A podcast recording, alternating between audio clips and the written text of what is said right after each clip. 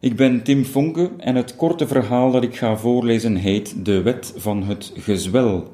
Het is mede geïnspireerd door de Vlaamse komiek Jens den Donker. Mijn schrijverscarrière hoeft qua hobbeligheid niet onder te doen voor het vak acne in de opleiding dermatologie.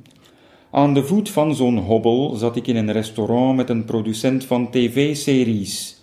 We zaten aan de tweede fles rode wijn. Wat willen de mensen zien? vroeg de producent. Mongolen die chocolade inpakken en briljante studenten die kanker krijgen. En zelfs als ze dat niet graag zien, durven ze er geen kritiek op te geven, omdat het onderwerp gevoelig ligt. Ik ken mensen die dat niet graag zien en die je daaromtrent bakkenkritiek kunnen bezorgen, zei ik. Maar het kijkvee, riep hij, de massa.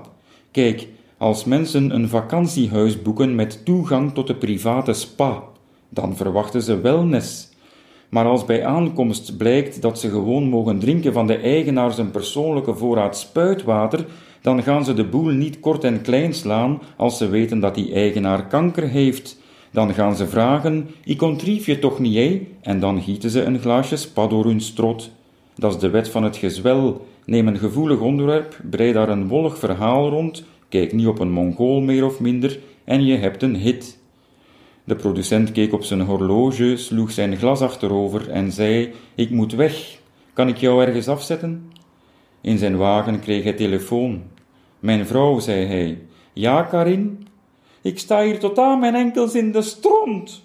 Oei, wat is er gebeurd? Die klootzak van een loodgieter, dat is er gebeurd. En nu krijg ik hem natuurlijk niet meer te pakken, de laffe Oké, rustig blijven, ik regel hulp. Kun je de toestand daar kort omschrijven? Omschrijven? Oké. Ze kuchte en sprak alsof ze uit een roman voorlas. Als een wurgslang beneemt de stank mij de adem. Een dik spoor van donkerbruine drek liep door het hele huis. Liep, vroeg de producent. Loopt, corrigeerde Karin. Sorry, syndroom van den donker. Focus, Karin.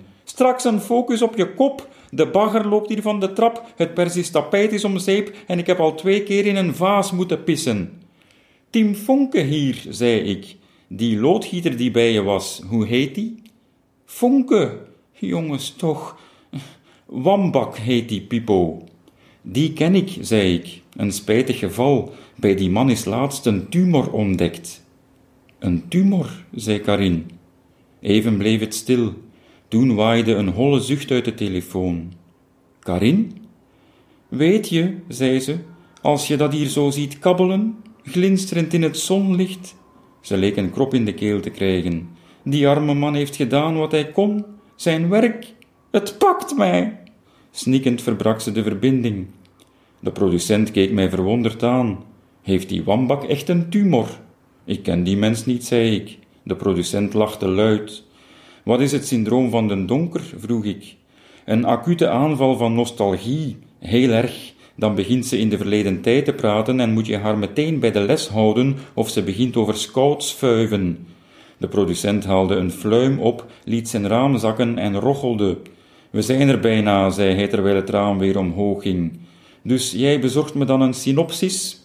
Ik keek naar het wegdek voor ons. Let op voor die hobbel, zei ik.